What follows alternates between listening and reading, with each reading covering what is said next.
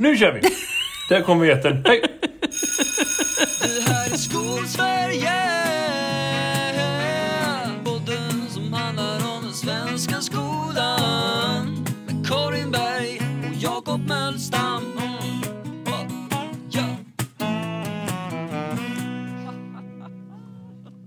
Karin blir tillbaka. Det är ännu en vecka. Det är snart december. inte bara... Nej, ja. Jag ska berätta för vi dig hur dum i huvudet jag är. Um, I en månads tid så har jag gått och väntat och svurit på att min verkstad inte har lagat min bil för de skulle laga värmaren på min bil. Och då fick jag vänta en månad och jag tänkte så här, ah, jag kommer få skrapa rutorna så himla Mm. länge. Alltid, alltid, alltid. Och jag hade betalat extra för en funktion där det här ska Mm, finnas löst. Och inte en enda gång har det varit så kallt att jag behövt skrapa rutorna Mm. under den månaden. Så löste det sig i måndags. Och sen så mm, i morse eh, när jag gick ut så tänkte jag ah fan. Då insåg jag att jag glömt att slå på värmaren och att jag ändå fick stå och skapa mina jävla rutor i alla fall. Det är liksom, jag ska inte, om det är sex veckor av, det var sex veckor sedan som det problemet uppstod. Och jag tänkte så här, nu, nu jävlar kommer jag behöva skrapa, nu är jag sen, nu kommer jag behöva skrapa. Som kulminerar i att jag får skylla mig själv. Ja, men det är väl väldigt ofta så. Det är väl väldigt sällan egentligen det är någon annans fel. Mm. Ja, men det är det sammanfattar ju hela världen. Dels det med att man går och oroar sig för saker man inte behöver oroa sig för. Nummer ett. Dels nummer två att liksom ja, men det löser sig förr eller senare. Och nummer tre, när det väl är problem så är det ju ens eget fel och det får man bara ta. Eller hur? Jag tyckte det är så, livet. Så är. funkar det med elever, så funkar det med skolan, så funkar det med undervisning, så funkar det med jobbet, så funkar det med allt. Ja. Ja, jag håller Ja. med. Gött, det var veckans podd. Kul att ni var med oss. Vi hörs igen. Nej. Nej du, jag har massor med saker jag vill prata om så här på fredag eftermiddag. Som det ändå är när vi spelar in. Men jag vill ändå höra, hur har din vecka varit Jakob? Ja, nej. Ja, precis. Nej, jag bara skrattar för det är så, här, så fruktansvärt daterat. Vilken fredag. Eh, precis. Eh, nej, så här. Eh, min vecka har väl varit bra, tror jag. Det känns som att det har varit mycket. Det är fortfarande mycket på jobbet. Eh, så. Jag har, nu har jag jobbat på min arbetsplats i fem veckor. Eh, fyra veckor med elever, en vecka utan. Eh, så. Det är tid som har gått väldigt, väldigt fort. Eh, jag börjar få koll på mer och mer. Eh, så. Men jag vet fortfarande inte riktigt vart det är någonstans. Vi ska byta schema från och med måndag och någon kollega frågade om jag var okej med det. Och jag tänkte så här, det, det gör mig ingen skillnad. det är fortfarande på den nivån som min existens är. Så det är väl vad det är någonstans. Så. Mycket intryck fortfarande och det är väl också kul. Men det är också så här lite frustrerande, du vet när man liksom lämnar något som man har rutin på och som man har koll på till någonting som man eh, behöver skaffa sig på. Ja, men, men så är det ju. Och alla arbetsplatser har ju sina, sina problem och sina värdefulla saker som funkar. Eh, jag, det är ju liksom en av... Jag, jag, det, det tar ju alltid väldigt lång tid, tänker jag, innan sånt där sätter sig. Innan man vet liksom att det här är närmsta vägen, så här gör jag, så här funkar det här. Det är ju, man måste ändå ge sig den tiden och tänka att jag är ny på jobbet. Det är man ganska länge. Ja, och det, men det där känner jag ändå att jag, är ju helt nöjd med, med själva bytet och så. Det är jag verkligen. Men, men det är bara det här, det är mycket det är mycket som ska göras helt enkelt. Så är det. Jag förstår. Eh, hur har din vecka varit? Jo, men jag, även om jag inte har bytt jobb så tycker jag ju att det är mycket. Den här veckan har jag liksom ru- rusat fast eh, fram i, i någon slags, liksom, och sen är det fredag. Och man har inte hunnit reflektera så mycket. Eh, men jag har en, en, en sak från veckan som jag ändå har lärt mig ganska mycket av, eller som, som har påverkat mig ganska så, så stort. Eh, och var, vi var på teater nämligen i veckan. Och jag ju, man blir ju så hemmablind. Apropå det här med att byta jobb så behöver man ju göra det ibland. Eh, och, och Ja, jag har ju jobbat på teaterprogrammet och det har jag ju sagt i den här podden så många gånger så att hej och hå. Men jag jobbar ju på teaterprogrammet på den här skolan och med då allt vad det innebär med teaterelever och elever som, som går estetiska programmet. Men de är ju väldigt vana vid att gå på teater. Eh, men i det här fallet så gick de på teater i ämnet eh, svenska. Och, och eh, det gjorde alla årskurs två elever. Sådär. Och eftersom jag, eh, de här teatereleverna går ju och ser, ikväll är de och ser, fredag kväll är de och ser en tre timmar lång dockteater på Folkteatern. Eh, svår och den, alltså det, jag tänker liksom att, och det är de vana vid, det här är någon konstig dock, det, det är ju knappt så att jag skulle klara det kände jag. Men, men Men, men mina elever är vana vid att se liksom abstrakta saker, liksom konstiga saker, alltså det som vi andra kanske tycker är lite konstigt eller sådär. Eh, men, men Eh, så är det ju inte med alla elever, tänker jag. Men, men jag, vi åkte i alla fall till Backa och skulle se Vi som fick leva om våra liv, som är en väldigt poetisk föreställning. Väldigt, väldigt fin, väldigt, väldigt tänkvärd, väldigt, väldigt bra skådespeleri, skulle jag säga. Det är som min bestående men. Och mina elever var helt tagna efteråt och tyckte det var en fantastisk föreställning. Eh, Men i det här då så är vi flera olika klasser från min skola. Och, eh, och då är det en annan klass som jag inte undervisar i, som inte går så ofta på teater privat och de har knappt, den här typen av poetisk föreställning har de nog inte ägnat sig så mycket åt. Och jag, min, min gissning är att de inte har ägnat sig åt den typen av kultur särskilt mycket alls, mm. liksom där de, liksom i, i, sitt, i sin hemmiljö. Eh, och de hade ju då oturen att deras lärare var sjuk så vi skulle ha med dem. Och jag hade ju inte en tanke på att jag skulle behöva sätta mig, du vet, i mitten och hålla ordning. Det har jag liksom inte. Men, efter, här- men liksom en bit in i första akten så inser jag att, jo, jag sitter på helt fel ställe. Jag, jag måste få ordning på det här. Det här håller på att balla ur. Och, och då reagerar jag ju sådär dåligt som man reagerar ibland, nämligen med att bli förbannad. Eh, och, jag, och jag känner liksom att med vuxna människor snart ska jag behöva sitta och säga tyst liksom. Det, det, ah, du vet så. Och jag tycker det är så respektlöst, jag blir irriterad och jag blir sur och jag blir, du vet alla de här dåliga, som inte är professionella känslor alls. Och jag, och jag nej. vill ju se föreställningen, det var ju egoistiskt också. Och jag skulle ju jobba med föreställningen sen, så att jag vill ju verkligen se den. Eh, så, så att, ja, men i alla fall så är det ju så att jag i pausen då behöver styra upp den här grejen. Och gör det på det sämsta, sämsta, sämsta sättet. Jag går i konflikt. Istället för att analysera situationen. Men då har jag en klok kollega som säger till mig att Hörru du, det här kommer inte att gå. Vi måste, liksom hitta, vi måste vara smartare än eleverna. Och det förstod ju jag. Det tog ju inte jättemånga sekunder innan jag förstod det också.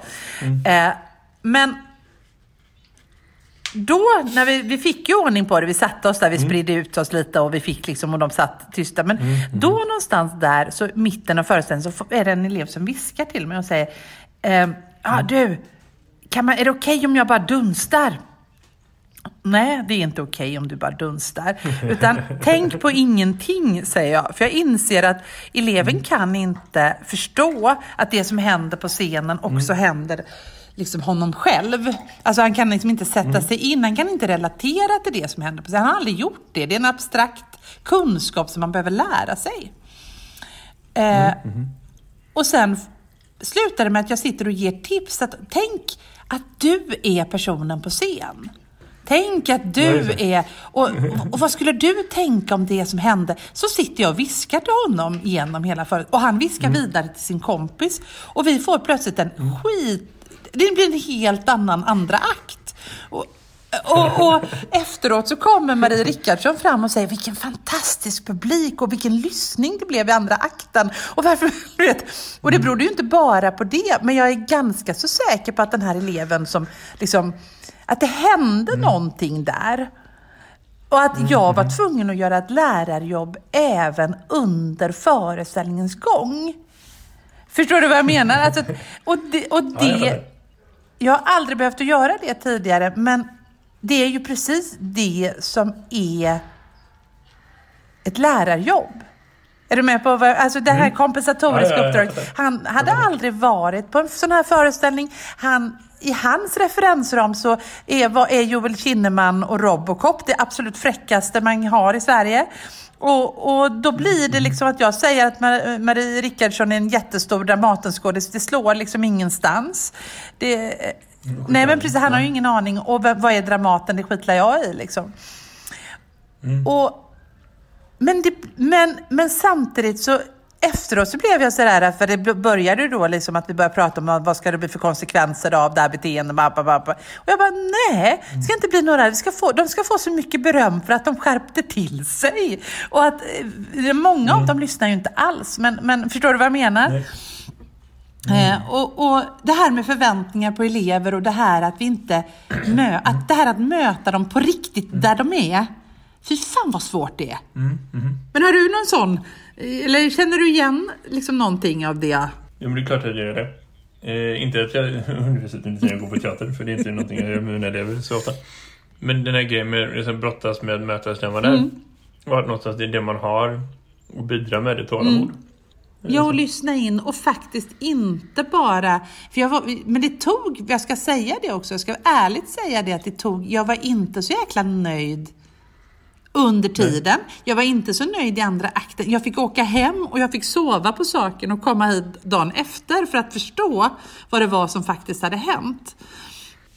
Har du mött de eleverna sedan dess? Ja, jag känner dem ju inte men de hälsar på mig i korridoren plötsligt. Några av dem är fortfarande arga för jag hann ju inte fånga alla. Men då fick vi Nej. prata TikTok en stund så var det bra löst. Och då var jag så här, men vet du vad TikTok är? Och då svarade jag, ja, jag är en människa. Eh, och då sa den, "Eh, inte alla människor som vet vad TikTok är. Nej, men jo. Alltså, jag fick idag veta av mina elever, eh, som ändå är så här, årskurs 7-elever, att eh, typ ingen lärare vet vad TikTok är. Nej. Men du vet vad TikTok är? Jo, jo det var därför de berättade för mig att ingen lärare vet vad TikTok är. Men, men jag hör vad du säger. Det Men då är vi ju ändå- ändå två. Ja, ja men precis. Och det är någonstans som att liksom synonym med förstå deras värld. Så det kan vara intressant, apropå att du kan störa på att folk inte vet vad Dramaten är. Ja, nej, men jag störde mig inte på det kanske. Jag, störde, jag var väldigt fascinerad av det. Jag störde mig inte på det. Eh, men sen men jag tycker jag att de något... Det är man- väldigt intressant. Eh, det, det, där, alltså, jag, det jag tänker på någonstans är att liksom, när du berättar den historien är att det blir väldigt kontextuellt men att det också finns en väldigt universell dimension av det. Just i det här med att man brottas med att så här, förstå vilka man har framför sig. Och det är ju så när man har jobbat med några elever hur länge som helst. Eller så. Mm. Och man känner alla människor och man har liksom vetat om vilka de var sen innan de var medvetna om någonting. Typ. Till att man liksom eh, är helt ny och man möter första intryck och så får man bara snabb skissa. Okej, den här gruppen är så här och sen får man veta jag får slänga ut allt det där och tänka om från början. För att de här grupperna är egentligen så här och när man ser nya dimensioner. Det tror jag är ett evigt arbete som inte påverkas så himla mycket av hur länge man har känt någon grupp eller inte. Jag tänker att liksom du, nu berättar du om någon annan grupp som du fick hoppa in och ta och då blir du förvånad för att där är bara kulturen annorlunda. Men ibland får man lika gärna brottas på det sättet med elever som man har känt länge, tänker jag i alla fall. Så jag tror inte att en bärande del i den här historien är just jag fick ta min kollegas grupp förutom att du får möta en grupp som du inte är van vid att ha, vilket gör att man kanske ser att det är annorlunda liksom. Men just sådana grejer, och vad jag tar med mig ifrån eh, sådana erfarenheter själv är att liksom, jag gör en jätte, jättestor poäng av att när jag kommer på mig själv i efterhand med att liksom göra sådana insikter, att också sätta ord på dem tillsammans med elever och inför elever så att de förstår också att aha, det är så här. Det kan vara att någon som är så här, "Jaha, men den här eleven är egentligen så här och jag har behandlat den så här och så här hela tiden. Eller jag har tänkt att den är så här och så här. Eller vi har tänkt om varandra runt detta. Eller liksom, där gjorde vi genombrott som var på det här och det här sättet. För att ofta tror jag man bara springer förbi sånt och tänker man går vidare till nästa grej. För att jag, jag ser det här, jag tänker på det här, bra, då är jag klar att gå vidare. Och så tänker man inte att eleverna inte alls ser det på samma sätt. Och det handlar inte om att de är yngre och mindre kunniga utan bara att de är andra personer som uppfattar och erfar andra saker än vad vi gör. Eh, så. Ja, Så och, och, och samtidigt så måste man ju alltid vara större än de man har framför sig och man måste alltid... Sen tänkte jag också faktiskt på det här med relation till elever. Det är så mycket lättare att bli besviken på en grupp som man känner än en grupp som man inte känner. De kände ju inte Mm. mig. Det, var ju, det är mycket lättare att säga till ett gäng som man har varje dag i skolan. Det är mycket lättare att göra det spontant eh, om man inte liksom, men man, risker, man riskar mycket mindre. Men jag tror också att alltså, själva besvikelseprocessen är en del av att om man kan kalla det Alltså det kan vara ett pedagogiskt verktyg någonstans som kan vara en del av att lära känna varandra också. Eller så.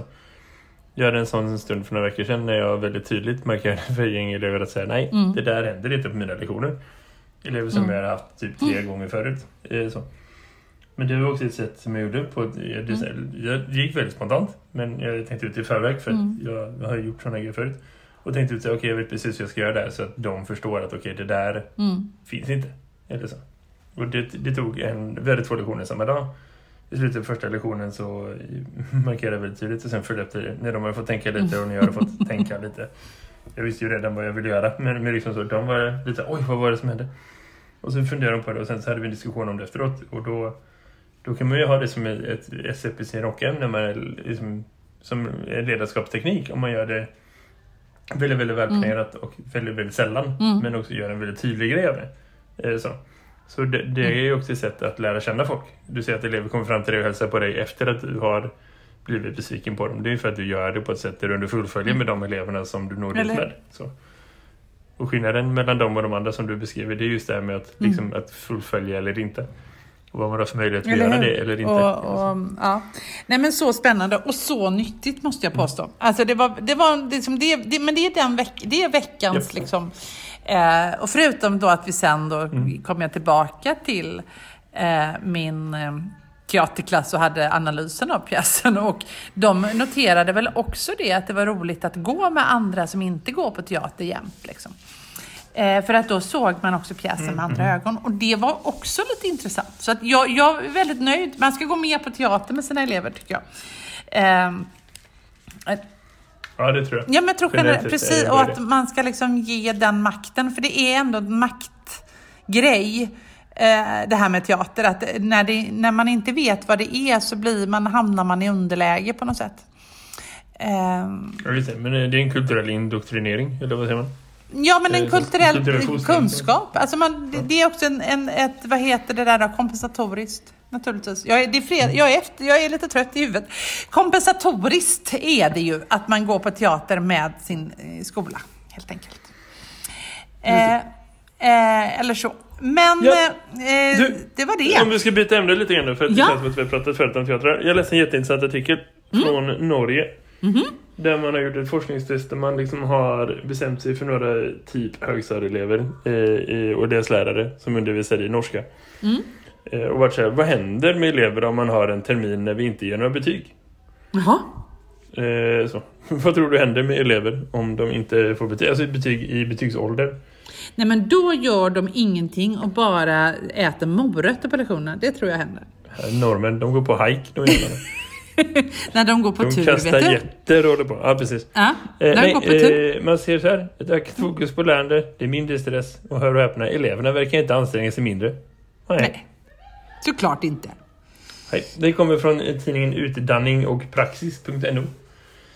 Men det är väl Eh. klart, alltså det där är ju så mycket bullshit. Jag tror, att, jag tror ju att vi absolut Mm. inte... Alltså det, vi har ju dessutom fokus på ganska märkliga... Alltså det här med mål, alltså de här målen som vi måste utvärdera. Vi ägnar väldigt mycket tid åt att ta reda på vad det är för mål de ska uppnå. Vi håller på och definiera. Alltså det, det, jag tycker väldigt mycket i min verksamhet handlar om betyg och bedömning på ett sätt som... Bedömning tycker jag ju det borde Mm. handla om och utvärdering. Men betygen däremellan vet jag inte. Eh, jag är inte säker på att det blir så bra. Eh, och jag tycker framförallt inte det kursrelaterade som vi har på gymnasiet. Det är ju idiotiskt.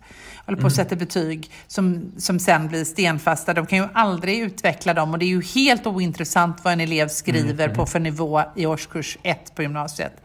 Eh, det enda som... Egentligen är det det, men i betyget är det ju inte det. Nej, men i betyget spelar det lika mycket roll som i årskurs 3. Eh, vilket gör att, eh, och jag har haft elever på fullaste allvar som haft E i ettan, eh, C i tvåan och A i trean.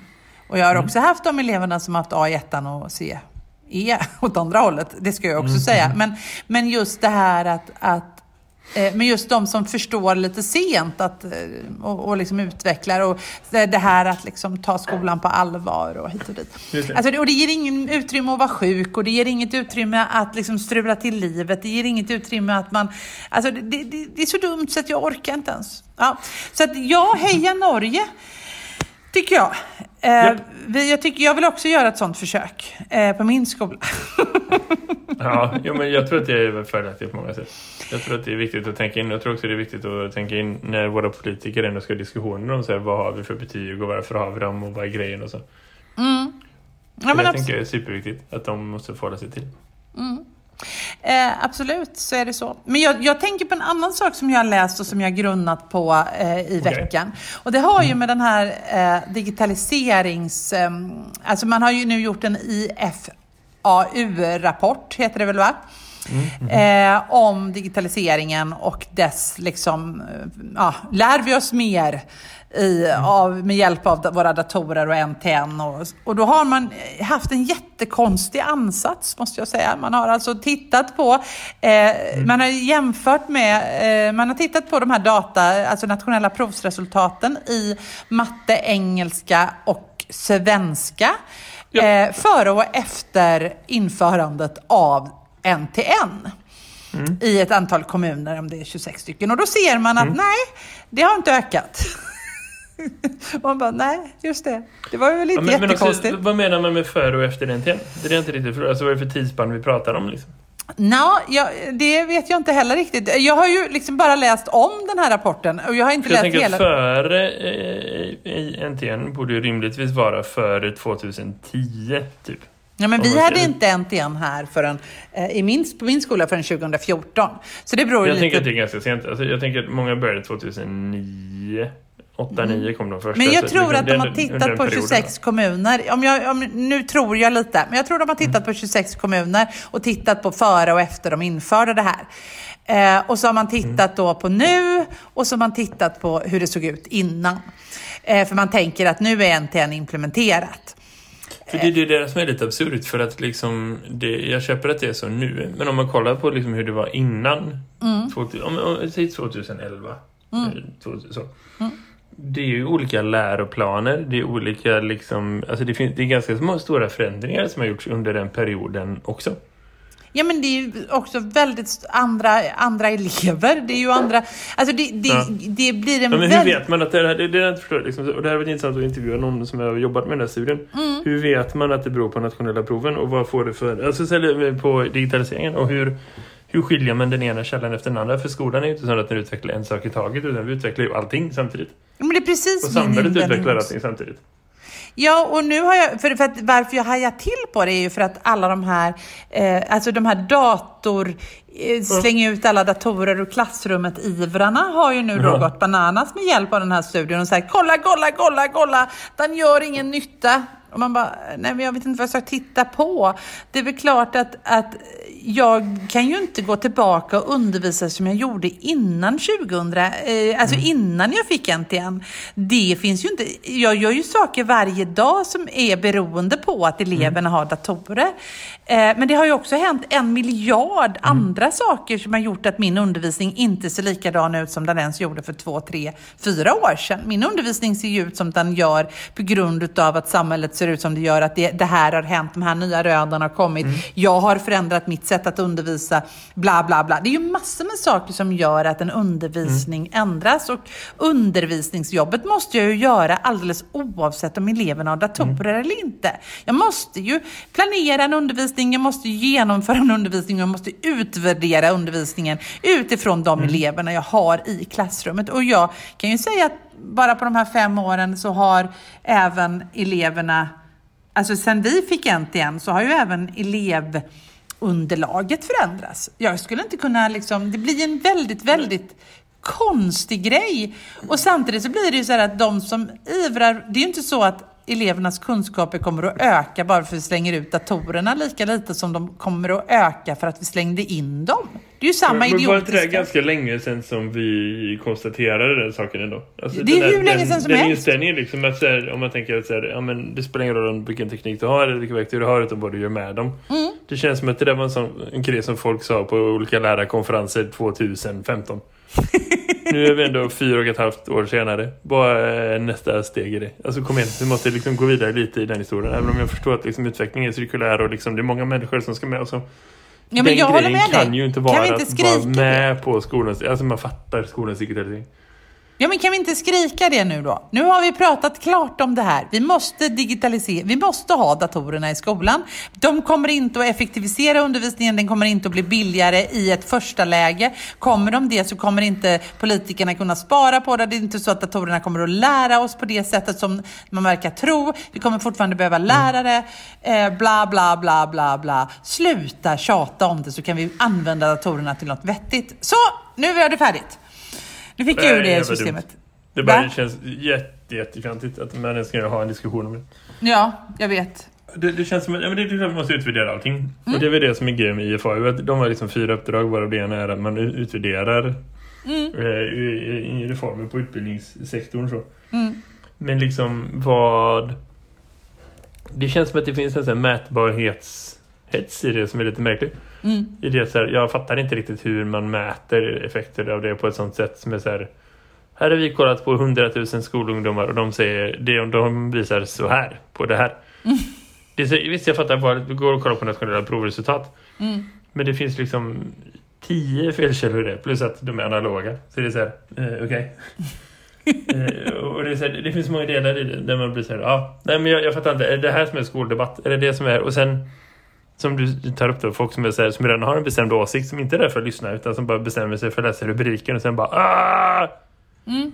Det är så här, det är så synd att det ska vara på det sättet och det är det som har fått mig lämna många offentliga skoldiskussioner just att liksom det är inte en fråga om att utforska svar tillsammans utan en fråga om att liksom debattera och övertyga och trycka dit andra. Och det där är så extremt oprofessionellt att någonstans känns det som att det enda professionella förhållningssättet till det som lärare är att rycka på axlarna och tänka ja ja och sen gå vidare till sin nästa lektion. Eller hur? Och vara glad åt. Men det är ju lika, men jag kan bli lite sådär full i skratt när jag får studenter som ska använda digitala verktyg i undervisningen. Och man bara, ja, var ska de börja? Eller vilket, det är ju inte så att en Kahoot kommer att förändra deras undervisning. Det beror på vad de gör med Kahooten.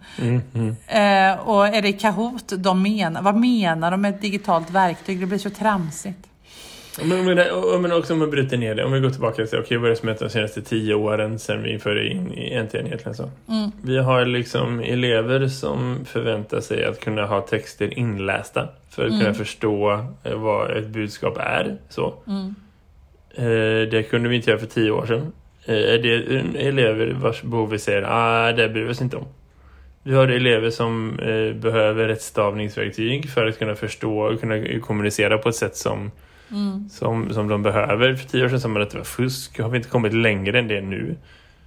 Alltså, vi, vi har elever som, som, som lär sig att presentera liksom, resonemang och budskap och så med hjälp av bild- och videostöd. Där det kanske var så att för tio år sedan så hade du behövt göra en fucking plansch. Liksom. Klippa och klistra och limma och fippla dona. Så. Vi har liksom radikalt ändrat skrivprocessen på i skolan. Från att jobba med liksom kladdskrivningar och liksom renskrivningar och du vet liksom lägga timmar på att skriva om texter där 99% är rätt. För att vissa saker är annorlunda eller man flyttar stycken eller man ändrar på disposition så. Och det var det som gällde som lärande. Som en bra lektion. Liksom så. Till att vi idag kan fokusera på att bara träna på det som vi verkligen behöver. Och där liksom tidigare utkast blir en del av produktionen där vi hela tiden skapar nya iterationer men som inte är nya. Utan som bara är vidareutvecklingar och så. Eh, menar vi på allvar att nej, men det var bättre om vi kunde låta bli det. Och så är det liksom hela vägen igenom. Vad är det egentligen vi diskuterar i det här? Nej men vi diskuterar ju ingenting. Det är ju bara som att man har fått för sig att, att vi vill ha det som det var. Ja, och, och, på, på vilka grunder och vad är det som är så himla nytt egentligen i just den här studien? Alltså varenda utvärdering som finns av NTN-projekt i hela världen visar att nej, ingenting blir automatiskt bättre. Jaha, det var konstigt. Eller så. Nej men det är ju lite som det här, nej men precis, men jag, jag blir mest liksom förvånad när då det blir en massa upprop. Anna Ekström, se och lär. Eh, titta nu har det kommit en jättebra rapport. Eh, och man bara, fast hallå? Vad är det som är bra med? Att de håller med? Nej men eh, det- det blir bra med den att den visar att det, det blir inget ökat lärande. Man bara, Ja, men det, det som är bra med den är att den visar ju det de vill se. ja, och det beror ju på hur Det är du ju läser liksom debatt, det är, det är liksom debatt på en nivå värdig Donald Trump. Ja. Och då tänker jag, då kan vi säga tack och hej, vi är klara. Vi behöver inte ha ett intellektuellt samtal, vi kan lägga ner det jävla samhället, det kunskapssamhället. Nej, det behöver vi inte ha. Vi lägger ner kunskapssamhället. Eller så bara Japp. skiter vi i den. Jag tycker vi dödar debatten istället och så är vi lite intellektuellt bra istället. Ehm, Ja, Ja. det ska vi göra. Ja. Det, det är fan precis det vi ska göra. Vi ska Ja. lägga ner den skiten och så ska vi göra något annat och så ska vi gå vidare i våra liv. Mm. Karin, det är fredag eftermiddag och eh, livet blir inte bättre än så här. Eh, jag är ledsen att behöva säga det, men det är så det kan vara. Men det är ändå rätt bra, för vet du vad? Jag är Mm. väldigt, väldigt glad över att vi ändå summerar veckan varje vecka. Eh, ja, precis. Mm. Det är en bra tradition. Det borde fler människor ha. Eh, Mm. Man borde ha sig en podcast till mans lite grann. Och har man någonting väldigt mycket mot digitalisering så kan man ju bara gå ut i skogen och prata för sig själv en timme. Det funkar lika bra. Det är ungefär samma koncept. Hörni, tack för att ni var med oss. Vill ni hänga med på skogspromenad så går jag från Skatås imorgon klockan 11. Vi ses. Ha det gott. Hej! Hej då!